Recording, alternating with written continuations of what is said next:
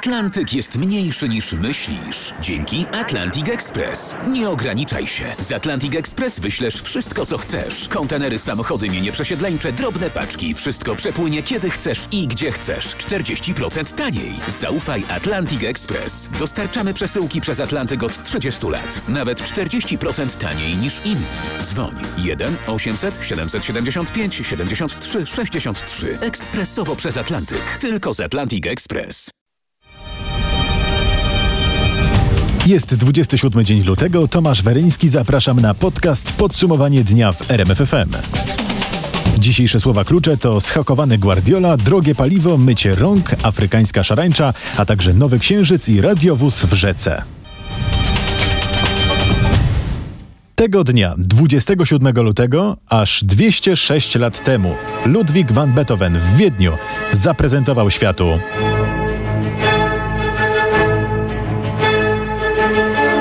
Tak jest, ósmą symfonię. A 102 lata później Józef Piłsudski powrócił do wyznania rzymskokatolickiego. W 1964 założono klub piłkarski GKS Katowice, natomiast 120 lat temu Bayern Monachium. 30 lat temu Polska i Izrael wznowiły po 23 latach stosunki dyplomatyczne, a w 77 16-letni Diego Maradona zadebiutował w drużynie narodowej. W 86 amerykański seryjny morderca Robert Hansen został skazany na 461 lat pozbawienia wolności, a w 2014 Podczas kryzysu krymskiego tak zwane zielone ludziki, określające się jako przedstawiciele samoobrony rosyjskojęzycznych obywateli Krymu, zajęli budynki parlamentu i rządu Republiki Autonomicznej Krymu w Symferopolu, po czym wywiesili rosyjską flagę. I oczywiście Władimir Putin nie miał z tym nic wspólnego, o czym wielokrotnie zapewniał. Rząd podniósł właśnie opodatkowanie tankowania na stacjach benzynowych, a to oznacza, że paliwa podrożeją. Minister infrastruktury Andrzej Adamczyk opublikował obwieszczenie o ponad 12% podwyżce opłaty paliwowej. Podniesienie podatków w trakcie kampanii wyborczej to, przyznajmy, ruch nietypowy. A o ile będzie drożej, o tym Krzysztof Berenda. Przeciętnie bak może podrożeć nawet o złoty 50, ale po kolei. Dzisiaj opłata paliwowa za 1 litr benzyny wynosi średnio 14 groszy, a za litr diesla średnio 31 groszy groszy. Podniesienie tej opłaty o 12% oznacza, że zatankowanie najzwyklejszego 40-litrowego baku podrożeje w przypadku benzyny o 70 groszy, a w przypadku oleju napędowego o złoty 50. Podkreślam, za cały bak. Ta podwyżka wejdzie w życie już od najbliższej niedzieli. Rząd tłumaczy to koniecznością znalezienia dodatkowych pieniędzy na drogi. Hmm, tym bardziej kierowcy zdejmijcie nogę z gazu. Po pierwsze, bo paliwo warto oszczędzać, a po drugie, policja czyha. A czwartek był dniem wzmożonych kontroli policyjnych właśnie. Funkcjonariusze Funkcjonariusze sprawdzali prędkość, ale też trzeźwość czy zapięte pasy. Nasz reporter Piotr Błakowski od rana towarzyszył policjantom, którzy kontrolowali samochody w Olsztynie. Dzień dobry. Dzień dobry. WRD KMP Olsztyn, posterunkowy Katarzyna Rosiak. Powodem kontroli jest przekroczenie prędkości o 30 km na godzinę. Jak kierowca tłumaczył się z tej prędkości? No oczywiście, jak to kierujący, no że się śpieszy do pracy, no i dlatego przekroczył prędkość. 30 km równo na godzinę, więc mandat karny jest 100, 200 i 4 punkty karne, bo gdyby przekroczyło 80, o te 81, no to by było wtedy automatycznie wyższy mandat i większa ilość punktów. Mówił starszy sierżant Mariusz Bianek z olsztyńskiej policji. Poważne utrudnienia czekają kierowców na autostradzie A1 w Łódzkiem. Od godziny 22 czasowo zatrzymywany będzie ruch na półtora kilometrowym odcinku w okolicy Piotrkowa Trybunalskiego. Do 6 rano usuwane będą tam szkody po poniedziałkowej wichurze trzeba się liczyć z tym, że w pewnych momentach będą kilkunastu, kilkudziesięciu, być może nawet minutowe zatrzymania ruchu, ponieważ robotnicy będą musieli pracować na jezdni. Rozważmy szansę jazdy inną trasą. Jeżeli takiej możliwości nie ma, proszę o uzbrojenie się w cierpliwość. Mówił Maciej Zalewski z Generalnej Dyrekcji Dróg Krajowych i Autostrad w Łodzi. GDDKiA ostrzega przed dziką zwierzyną, m.in. na lubuskim odcinku A2 i wielkopolskim odcinku trasy S5. Powodem jest zamknięcie przejść dla mieszkańców lasu przebiegających nad trasą. Co jest powodem zamknięcia? Nasz reporter Mateusz Chłystun zebrał informacje w tej sprawie. Jak informują drogowcy, walka z wirusem afrykańskiego pomoru świń. Przejścia nad trasami zostały zamknięte, by uniemożliwić migrację zwierząt. Druciane ogrodzenia mają półtora metra wysokości i zostały skonstruowane tak, by zatrzymać głównie dziki, ale dzięki specjalnym drewnianym drabinkom umożliwiają przemieszczanie się innym zwierzętom, na przykład wilkom. Rozporządzenie o zamknięciu przejść na lubuskim odcinku autostrady i wzdłuż części trasy S5 wydał wojewoda lubuski. W praktyce może oznaczać to poszukiwanie innych dróg migracji. Niewykluczone więc, że zwierzęta będą próbowały przebiegać przez trasy między rozpędzonymi autami. Policjanci zatrzymali mężczyznę, który może mieć związek z zabójstwem 40-latka w Krakowie Prokocimiu. Mężczyzna z ranami kłutymi zgłosił się do pobliskiej przychodni, jednak nie udało się go uratować. Marek Wiosło zna więcej szczegółów na ten temat. Policja zatrzymała 43-latka, który prawdopodobnie nożem zaatakował mężczyznę, zadając mu wiele ran kłutych. Do zdarzenia miało dojść w jednym z mieszkań przy ulicy Teligi. Mężczyźni mieli pić razem alkohol. W mieszkaniu, jak i na klatce schodowej znaleziono ślady krwi. Ustalane są szczegóły zdarzenia. Polsce nie potwierdzono żadnego przypadku zakażenia koronawirusem, ale 47 osób przebywa w szpitalach z jego podejrzeniem, poinformował w Senacie wiceminister zdrowia. Waldemar Kraska przekazał senatorom najnowsze informacje dotyczące przygotowań służb na wypadek pojawienia się zachorowań w Polsce. Podkreślił, że obecnie pod nadzorem epidemiologicznym jest 1570 osób. Pojawiły się również pytania o przygotowanie szpitali w Polsce. Naszego reportera Patryka Michalskiego pytamy zatem, czy oddziały zakaźne są przygotowane na wypadek większej liczby zachorowań? Ministerstwo Zdrowia zapewnia, że tak. Resort podkreśla, że jeśli liczba miejsc na oddziałach zakaźnych nie będzie wystarczająca, to wtedy oddziały internistyczne będą po prostu przekształcone w oddziały zakaźne. A co mają zrobić osoby, które w najbliższym czasie planowały wyjazd do Włoch? Same muszą podjąć decyzję, ale wskazówka wiceministra zdrowia jest jasna. Za rekomendacją głównego inspektora sanitarnego odradzamy takie wyjazdy, więc jeżeli ktoś tam jedzie, no musi ponosić odpowiedzialność e, własną. Z kolei główny inspektor sanitarny podkreślał, że w przypadku niepokojących objawów należy zadzwonić do Państwowej Inspekcji Sanitarnej. Tacy pacjenci absolutnie nie powinni kierować się do lekarza rodzinnego czy do szpitalnego oddziału ratunkowego. A po raz kolejny minister zdrowia Łukasz Szumowski dodał, że pojawienie się u nas koronawirusa jest raczej kwestią czasu. W tej chwili w polskich szpitalach jest 47 osób. To nie są pacjenci, którzy chorują, ale mogą być nosicielami, choć to wciąż nie jest potwierdzone. Dlatego są pod obserwacją. Zupełnie inaczej wygląda natomiast sytuacja we Włoszech. Tam bilans ofiar wzrósł do 17. Oficjalnie potwierdziły to włoskie władze. Tamtejszy minister spraw zagranicznych Luigi Di Maio podkreślił jednak, że zagraniczni turyści i inwestorzy mogą bez obaw przyjeżdżać do tego kraju. Psychoza i panika zniknęły, mówi RMFFM pani Małgorzata, na stałe mieszkająca we włoskim kurorcie Trentino. Teraz powoli e, z dnia na dzień widzę, że to się normuje w miarę i każdy do tego zaczyna podchodzić jak, jak do przeziębienia bądź grypy delikatnej. No tylko tyle, że prosi, proszeni jesteśmy wszyscy o to, aby przestrzegać jednak te zaostrzone, tak powiem, warunki higieny, prawda? Częste mycie rąk. No szczególnie chodzi tutaj o osoby starsze, bo każdy jakby nie było tutaj w rodzinie ma jakąś osobę starszą. Właściciele hoteli we Włoszech informują, że w niektórych z nich odwołano nawet 90% rezerwacji. Koronawirus spowoduje kryzys w branży turystycznej w tym regionie. Turyści odwołują już nawet przyjazdy na kolejne miesiące. Jednak poza strefami czerwoną i żółtą wszystko funkcjonuje prawie normalnie, przynajmniej na razie, bez przypadku koronawirusa. Jedyne restrykcje to odwołane imprezy masowe oraz zamknięte szkoły i żłobki.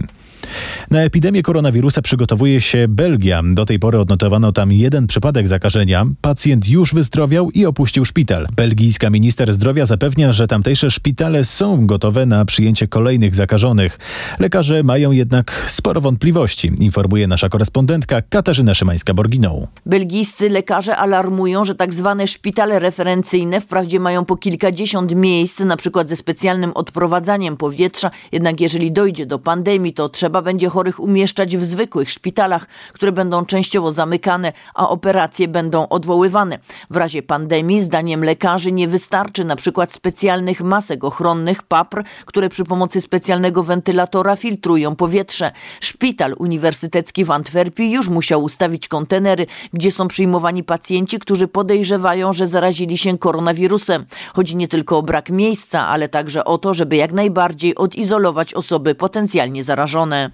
A w Polsce 1700 osób zadzwoniło do tej pory na rządową infolinię z pytaniami na temat koronawirusa. Pod numerem 800 190 590 od wczoraj można uzyskać wszelkie informacje dotyczące samego wirusa, zakażeń, jak i zachowań po powrocie z zagrożonych regionów. Jakie pytania padają najczęściej? Sprawdzał to nasz reporter Mariusz Piekarski. Co mają zrobić osoby wracające z krajów wysokiego ryzyka i jak postąpić, gdy zauważyliśmy już u siebie objawy chorobowe? Są też pytania, gdzie znaleźć placówkę, w której można się zbadać i zrobić testy oraz jak się zabezpieczyć przed koronawirusem, czyli zestaw najbardziej oczywistych pytań, ale są też takie na przykład jak ile trwa okres wylęgania wirusa. A rano, gdy próbowaliśmy dodzwonić się na infolinię, połączenie było za każdym razem rozłączane. Jak tłumaczy to NFZ? Wczesne godziny poranne, jak usłyszałem w NFZ przed siódmą, to czas najbardziej wytężonej pracy na infolinii. To dlatego, że pacjenci dzwonią wtedy masowo z pytaniem, gdzie są wolne miejsca do lekarza. NFZ zapewnia, że w każdym momencie w ciągu doby telefony na infolinii odbiera już ponad 100 konsultantów. Są też nowe zalecenia ministra edukacji narodowej dla szkół i nauczycieli związane z koronawirusem. Należy odwołać wszystkie wyjazdy i wycieczki na tereny objęte chorobą. Osoby wracające z tych obszarów powinny zostać poddane obserwacji, mówił po spotkaniu z kuratorami Dariusz Piątkowski. Według ministra nie ma w tej chwili realnego zagrożenia, ale warto przypomnieć obowiązujące procedury. A teraz polityczny spór o mycie rąk. Wicemarszałek Senatu Stanisław Karczewski zarzucił marszałkowi Tomaszowi Grockiemu, że nieprawidłowo zaprezentował, jak należy myć ręce, żeby skutecznie chronić się przed koronawirusem. Temat jest poważny. Choć spór zabawny, bo oto kto i jak myje ręce, a właściwie dezynfekuje, bo marszałek Grocki, lekarz, kciukiem wcisnął dozownik i tym palcem wywołał taką reakcję. Też lekarza wicemarszałka Karczewskiego. Popełnił kardynalny błąd. Łokciem przyciskamy dozownik, a nie kciukiem. Przez chwilę wydawało się, że panowie choć w jednym są zgodni. Zachęcam do częstego mycia rąk. Zachęcam, również tak jak pan marszałek Grocki. Ale wtedy Stanisław Karczewski spojrzał na ręce przez przynależność partyjną. A ja też tak patrzyłem i widziałem, że senatorowie Prawa i Sprawiedliwości nie myli rąk, bo mają czyste ręce. Zapytałem więc eksperta, głównego inspektora sanitarnego, czy to dobrze, że senatorowie PiSu rąk nie myją. Nie komentuję. Nie będę tego komentował. Okazało się, że środków do dezynfekcji najlepiej używać do mycia rąk, żeby nie wyjść jak Zabłocki na mydle. Informuje nasz reporter Patryk Michalski.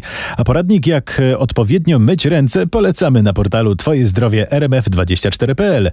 Od piątku Rosja wstrzymuje wydawanie wiz obywatelom Iranu. Wcześniej zakaz wjazdu do Rosji wprowadzono dla obywateli Chin. Równocześnie służby sanitarne z powodu obawy przed koronawirusem nakazały wprowadzenie drakońskich zasad dezynfekcji w miejscach publicznych, informuje nasz korespondent w Moskwie Przemysław Marzec. W restauracjach, centrach handlowych co godzinę musi być przeprowadzana dezynfekcja kas, sztućców czy klamek. Oprócz tego muszą być dezynfekowane systemy wentylacyjne z użyciem odpowiednich środków. W restauracjach i barach kelnerzy, kucharze i obsługa muszą pracować w ochronnych maseczkach. Będzie to wyglądać jakbyśmy przyszli do szpitala, ale rozporządzenie zobaczymy, będziemy wypełniać polecenia. Na razie tak rygorystyczne zasady wprowadzono w rosyjskiej stolicy, gdzie przyjeżdża najwięcej obcokrajowców, a w Rosji obawiają się, że koronawirus najprawdopodobniej dotrze nie z Chin, a z Europy. Epidemia koronawirusa i środki jej zwalczania mocno zakłócają działalność europejskich firm w Chińskiej Republice Ludowej, alarmuje Izba Handlowa Unii Europejskiej oraz Niemiecka Izba Handlowa w Chinach. Obie izby wzywają przy tym do usprawnienia przepisów, by pomóc gospodarce. Chińskie Ministerstwo Handlu zapewniło, że problemy zagranicznych firm wznawiających działalność w Chińskiej Republice Ludowej po przerwie spowodowanej koronawirusem zostaną wkrótce rozwiązane. Czołowy doradca chińskiego rządu do spraw epidemii koronawirusa Zhong Nanshan jest przekonany, przekonany, że do końca kwietnia epidemia w Chinach będzie zasadniczo opanowana. Podkreślił, że liczba wykrywanych w tym kraju nowych infekcji generalnie spada. Przewodniczący Międzynarodowego Komitetu Olimpijskiego Thomas Bach zapewnił, że czynione są wszelkie starania, aby pomimo epidemii koronawirusa tegoroczne igrzyska w Tokio odbyły się zgodnie z planem. Jak podaje m.in. Reuters, powołując się na agencję Kyodo, niemiecki działacz w trakcie telekonferencji zapewnił, że MKOL jest w pełni zaangażowany w organizację udanych igrzysk w Tokio zgodnie z harmonogramem, czyli od 24 lipca. Dotychczas w Japonii stwierdzono 8 zgonów z powodu koronawirusa, a ponad 900 osób jest zarażonych. Rząd japoński zamierza zamknąć wszystkie szkoły podstawowe, gimnazja oraz licea. Roman Polański zapowiedział, że nie przyjedzie na piątkową ceremonię wręczenia Cezarów. Powód to nowa ofensywa feministek we Francji przeciwko reżyserowi Romanowi Polańskiemu. W przeddzień ceremonii wręczenia francuskich odpowiedników Oscarów okleiły one fasadę gmachu, w którym odbędzie się uroczystość wrogimi wobec reżysera napisami, co zarzucają Polańskiemu feministki, o tym Marek Gładysz. Czy naprawdę chcecie żyć w świecie, w którym pedokryminalista jest 12 razy nominowany do Cezarów? To hańba. Takie napisy rozklejone zostały wokół sali koncertowej Playel, gdzie odbędzie się jutrzejsza gala oraz na siedzibie francuskiej Akademii Filmowej. Interweniowała policja, napisy zdarto. Feministki zapowiadają jednak, że w czasie trwania ceremonii zorganizują transmitowaną w sieci alternatywną uroczystość, gdzie będą nagradzać, jak się wyraziły, artystów gwałcicieli. Przypomnijmy, że sam Polański odrzucił niedawno oskarżenia ze strony kobiet, które zapewniają, że je zgwałcił. Zarzuty, które zamierza postawić mi prokuratura, to bzdura, mówi sędzia Igor Tuleja. Prokuratura zwróciła się do Izby Dyscyplinarnej Sądu Najwyższego o uchylenie mu immunitetu, a sędzia ma usłyszeć zarzut związany z posiedzeniem, podczas którego uchylił decyzję prokuratury o umorzeniu śledztwa w sprawie słynnego głosowania w sali kolumnowej Sejmu w grudniu 2016 roku. Jak jeszcze sędzia Tuleja komentuje tę sytuację, o tym nasz reporter Krzysztof Zasada. Twierdzi, że zarzuty dotyczące umożliwienia mediom udziału w posiedzeniu, podczas którego tłumaczył, dlaczego uchylił decyzję umarzającą śledztwo, są całkowicie bezpodstawne. Według niego nie ma mowy o przekroczeniu uprawnień, bo posiedzenie może być jawne. W działaniach Izby Dyscyplinarnej i prokuratury widzi też drugie dno. Okazuje się, że istotnie te nasze porównania do sytuacji sędziów w Turcji czy na Białorusi nie były bezpodstawne i nie histeryzowaliśmy, tylko no faktycznie tak jest. Izba Dyscyplinarna Sądu Najwyższego zajmie się wnioskiem prokuratury w sprawie immunitetu sędziego Tulei 20 marca. Nie żyje Paweł Królikowski, aktor, do niedawna prezes Związku Artystów Scen Polskich. Szeroką popularność zdobył dzięki roli Kusego w serialu Rancho. Był aktorem filmowym, telewizyjnym, teatralnym i dubbingowym, prezenterem i realizatorem telewizyjnym. Nie tylko z telewizji, ale i z teatru. Och, niech mu ziemia lekką będzie. Moim zdaniem wspaniały aktor. Mnie się wydaje, że każdą rolę by zagrał. A w Rancho to ekstra. Było pokazane wszystko, nie tylko humor, ale i życie i ogólnie. Każdy inaczej odbiera. Świetny aktor, wesoły. Przede wszystkim nadawał się do tej roli. Bardzo pozytywny człowiek, bardzo pozytywny obraz jego mam w głowie. No, bardzo wielka szkoda. Uważam, że e, taki bardzo duży poziom e, gry aktorskiej według mnie. Bardzo przykro, bo to bardzo młody człowiek, miał 58 lat, a chyba za miesiąc miał skończyć 59. No jest mi przykro z tego powodu. Te głosy zebrał we Wrocławiu nasz reporter Mateusz Czmiel. Paweł Królikowski w kwietniu skończyłby 59 lat. Policyjny radiowóz, którym na interwencję do pobliskiej miejscowości jechali dwaj funkcjonariusze z komisariatu w Zielonkach, spadł z mostu. Mężczyźni trafili do szpitala. Jeden z nich wciąż przechodzi badania. Po godzinie drugiej funkcjonariusze zostali skierowani przez dyżurnego na interwencję do pobliskiej miejscowości Miękinia. Mniej więcej 25 minut później otrzymaliśmy zgłoszenie, że radiowóz najechał na most, z którego spadł do koryta rzeki. Koła znalazły się w wodzie, wyjaśniła rzecznik. Obaj policjanci wyszli z pojazdu o własnych siłach. Przemyt blisko 4,5 kg marihuany udaremnili cieszyńscy policjanci. Narkotyki próbował wwieźć do Polski 25-latek pochodzący z województwa kujawsko-pomorskiego. Został zatrzymany i trafił do aresztu. Grozi mu 10 lat więzienia. Jadący samochodem mężczyzna na widok funkcjonariuszy znacznie przyspieszył. Chciał uciec, ale policjanci byli przygotowani na taką ewentualność. Drugiej kontroli i blokady drogi już nie uniknął. Teresa Czerwińska z zarządu NBP była minister finansów. Od 1 marca tego roku będzie wiceprezesem i członkiem Komitetu Zarządzającego Europejskiego Banku Inwestycyjnego. Czerwińska podkreśliła, że bank ma do odegrania ogromną rolę we wdrażaniu Europejskiego Zielonego Ładu. EBI jest instytucją Unii Europejskiej, której udziałowcami są państwa członkowskie.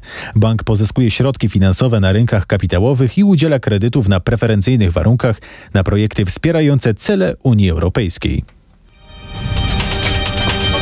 Największe od 25 lat ćwiczenia wojsk USA Defender Europe 2020 rusza w Polsce, poinformował szef MON Mariusz Błaszczak. Manewry są zaplanowane od lutego do maja i zakładają przeszód 20 tysięcy amerykańskich żołnierzy wraz z ciężkim sprzętem do Europy, gdzie wezmą udział w ćwiczeniach poligonowych m.in. w Polsce i krajach bałtyckich. Według zapowiedzi MON w Defender Europe 2020 i serii ćwiczeń połączonych weźmie udział prawie 37 tysięcy żołnierzy z 18 krajów. Polski wkład to udział ponad 2 tysięcy żołnierzy, ciężkiego sprzętu, lotnictwa, a także takich służb jak Policja, Straż Graniczna czy Straż Pożarna. Rosja będzie śledzić rozwój sytuacji wokół inicjatywy Trójmorza. Jeśli niektórzy z pomysłodawców uważają projekt za możliwość konsolidacji na płaszczyźnie powstrzymywania Rosji, to nie może ona tego zaakceptować, powiedziała rzeczniczka rosyjskiego MSZ Maria Zacharowa.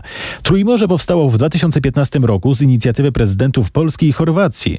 Do grupy należy 12 państw położonych między Adriatykiem, Bałtykiem i Morzem Czarnym, czyli Austria, Bułgaria, Chorwacja, Czechy, Estonia, Litwa, Łotwa, Polska, Rumunia, Rumunia, Słowacja, Słowenia i Węgry. Partnerami strategicznymi inicjatywy są USA i Niemcy. Aż dwie trzecie z 250 produktów zakupionych w sklepach internetowych nie przeszło testów bezpieczeństwa. Takie są wyniki badania przeprowadzonego przez grupy konsumentów w kilku krajach Unii Europejskiej. To na przykład zabawki z przekroczonym limitem zawartości niebezpiecznych substancji, czujniki tlenku węgla, które w ogóle go nie wykrywają i topiące się po podłączeniu do zasilania powerbank. Chodziło o produkty dużych sklepów internetowych spoza Europy. Komisja Europejska ogłosiła przeznaczenie 10 milionów euro na walkę z najgorszą od 70 lat inwazją szarańczy pustynnej we wschodniej Afryce. Unijni komisarze na czele z przewodniczącą Urszulą von der Leyen spotkali się w Addis Abebie z Unią Afrykańską. Według szacunków ONZ potrzeba 76 milionów dolarów, by inwazja, która dotknęła już Somalię, Erytreę, Dżibuty i Etiopię, nie rozprzestrzeniła się na kolejne kraje regionu. Komisja podkreśliła, że rozprzestrzenianie się szarańczy może mieć druzgocące konsekwencje dla bezpieczeństwa żywności w regionie, w którym i tak już ponad 27 milionów ludzi cierpi z powodu poważnego braku bezpieczeństwa żywnościowego, a co najmniej 35 milionów jest zagrożonych takim brakiem. Policja w Manchesterze aresztowała hakera, który włamał się na prywatne konto e-mailowe menadżera klubu piłkarskiego Manchesteru City Pepa Guardioli. Chciał sprzedać uzyskane w ten sposób informacje za 100 tysięcy funtów. Szczegóły ma dla Was nasz korespondent Bogdan Frymorgan. Włamania na konto Pepa Guardioli dokonał jeden z pracowników firmy informatycznej, która dwa lata temu współpracowała z Manchesterem City. Uzyskane w ten sposób maile dotyczyły planowanych transferów i prywatnych danych piłkarzy angielskiego klubu. Haker uzyskał także dostęp do kontaktów mailowych Guardioli. Chciał sprzedać te informacje dziennikowi The Sun, ale redakcja bulwarówki poinformowała o tym odpowiednie służby. Według doniesień brytyjskich mediów, policja przeszukuje obecnie mieszkanie hakera i sprawdza zawartość zabezpieczonych komputerów i jego komórki. A dopiero w piątek zostanie oficjalnie potwierdzony rekordowy transfer w historii piłkarskiej ekstraklasy. Młody pomocnik Zagłębia Lubin Bartosz Slisz ma trafić do Legii Warszawa za aż półtora miliona euro. Dwudziestolatek przechodzi właśnie testy medyczne. Zagłębie traci kluczowego zawodnika, ale również korzysta na tym transferze. Tak, bo to buduje renomę Akademii Piłkarskiej Zagłębia. Transfer Bartka Slisza, czyli kolejnego wychowanka naszej lubińskiej akademii, po Krzyśku Piątku, Filipie Jagiele, Piotrku Zielińskim. To jest kolejny taki krok milowy w tym naszym planie. Kwota półtora miliona euro na pewno robi wrażenie. Na pewno cieszy nas fakt, że jest to rekordowy transfer na linii wewnętrznej. Mówił mi rzecznik Zagłębia Marek Wachnik i dodał, że być może ten właśnie transfer spowoduje, że polskie kluby częściej będą sięgać po krajowych, młodych, zdolnych zawodników. Dla Zagłębia natomiast piłkarsko to jednak jednak pewna strata tuż przed derbami Dolnego Śląska. Mecz ze Śląskiem Wrocław już w niedzielę. A to Paweł Pawłowski z redakcji sportowej RMFFM. Ziemia ma nowy księżyc, niewielki, o rozmiarach rzędu od 2 do 3,5 metra. O jego pojawieniu się poinformował na portalu społecznościowym pracujący w Arizonie polski astronom Kacper Wierzchoś. O tym, co wiemy na temat tej kosmicznej skały, Grzegorz Jasiński. Obiekt o nazwie 2020 CD3 to prawdopodobnie planetoida, która przyplątała się na orbitę wokół Ziemi mniej więcej 3 lata temu.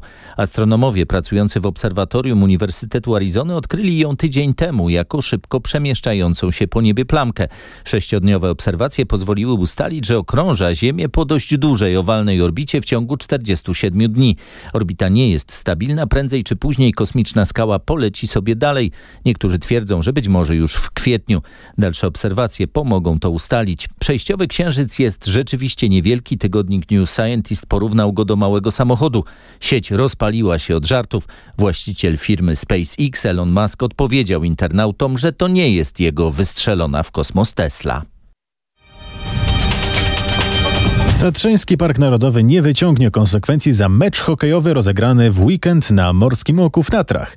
Wydarzenie wywołało sporo kontrowersji w mediach społecznościowych. Nie ma konieczności karania kogokolwiek za to zdarzenie ani zmiany przepisów.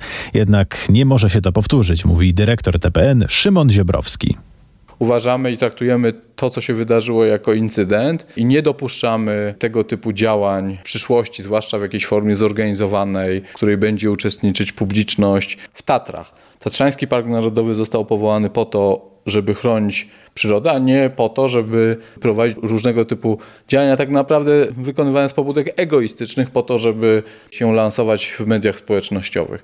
Więc ten cel jest sprzeczny z celem głównym parku, nie narusza fundamentalnych zasad, to też nie wyciągamy konsekwencji, ale też y, nie widzimy możliwości kontynuowania tych działań w przyszłości. Nietypowy mecz rozegrali w sobotę hokeiści z Nowego Targu. To wszystko na dziś. Zapraszam na jutrzejszy podcast Podsumowanie dnia w RMFFM. Ja nazywam się Tomasz Weryński i do usłyszenia.